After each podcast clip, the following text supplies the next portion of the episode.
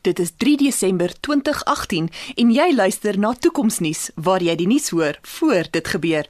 Ek is Jonita Foster en hier volg vandag se hoofberig. Die Kompas is die nuutste stuk ou gereedskap wat weer populêr geword het.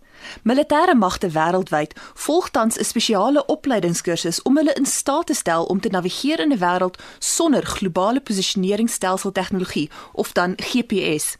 Hierdie spesiale opleiding is nodig omdat daar 'n sterk waarskynlikheid is dat 'n oosterse moondheid die GPS-satellietnetwerke sal kan vernietig indien gewapende konflik uitbreek.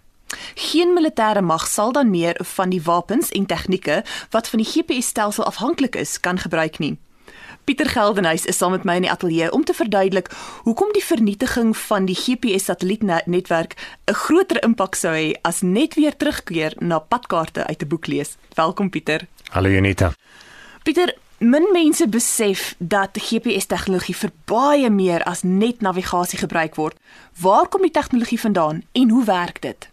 Janita, so ver terug as die 1970s het die Amerikaanse regering maar veral die Pentagon in Amerika 'n satellietnetwerk daar gestel wat hulle militêre magte in staat gestel het om te kan bepaal presies waar hulle is op die aarde. Nou, hierdie satelliete wentel rondom die aarde en stuur dan 'n posisie en 'n tydsein uit. En enige toestel wat jy op aarde het, tel dan van hierdie satelliete op, kry die tydsein en die posisie van die satelliet en kan daaruit agterkom waar jy op aarde is. En vir jare lank het die Amerikaanse militêre magte hierdie tegnologie gebruik om missiele baie akkuraat te kan afvuur en te beheer. Hulle kon ook hulle bomwerpers gebruik om baie akkuraat bomme te posisioneer op 'n spesifieke plek of jy kan ook GPS-tegnologie gebruik vir skerpskutters wat baie akkuraat wil skiet.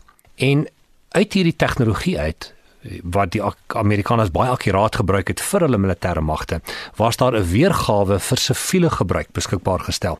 En dit is die tegnologie wat ons tans gebruik vir ons navigasie binne ons voertuie. En dis dis die geskiedenis van GPS. Die hele militêre omgewing in Amerika is baie nou verstrengel met die beheer van 'n spesifieke posisie, die bepaling van die posisie van militêre magte en toerusting en is baie streng gekoppel aan die hele kommunikasie en beheerstelsel.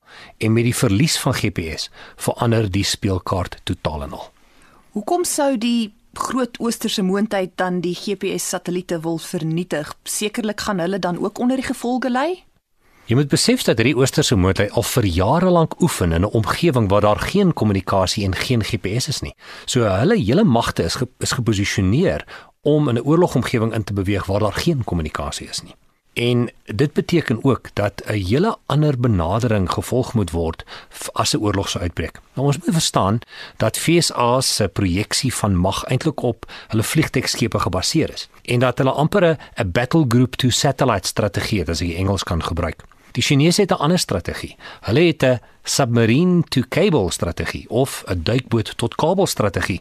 En hulle gebruik baie interessante tegnologie om te kon kommunikeer met die kabels. Ons het in die verlede al 'n nuusberig daaroor gehad oor kwantumverwikkeling. En wat hierdie duikbote dan kan gebruik is om hierdie vliegtuigskepe te vernietig in daai spasie. Hulle maak nie van GPS-satelliete gebruik nie. En ook indien 'n konvensionele oorlog sou uitbreek, sal dit baie moeilik wees vir Amerika om te kan reageer in 'n wêreld sonder kommunikasie en sonder GPS. Pieter, wat is dan die moontlike impak op ons samelewing van die verwoesting van GPS-satelliete want ons vuur nou nie elke dag um, groot wapens af nie, maar ek wil daarom weet hoe om by die ateljee uit te kom en hoe om weer by die huis te kom en hoe lank dit my gaan vat.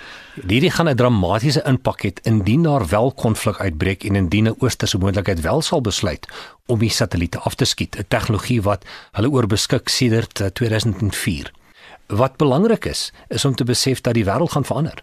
Ons gaan ewe skielik met 'n klomp gemors sit binne in die ruimte. Dit gaan baie moeilik wees om hierdie satelliete te kan vervang omdat enige vuurpyl wat jy opstuur in 'n omgewing gaan inbeweeg waar daar geweldige hoeveelheid in Engels praat ons van debris, maar klein stukkies is van hierdie satelliete wat vernietig is. Um dit beteken ook dat ons hele idee rondom die gebruik van GPS gaan verander en dat letterlik miljoene stukke apparaat glad nie meer gaan werk nie. Dankie Pieter. Indien hierdie scenario wel sou uitspeel, sal miljoene mense se navigasiestelsels en hommeltuie heeltemal nutteloos wees.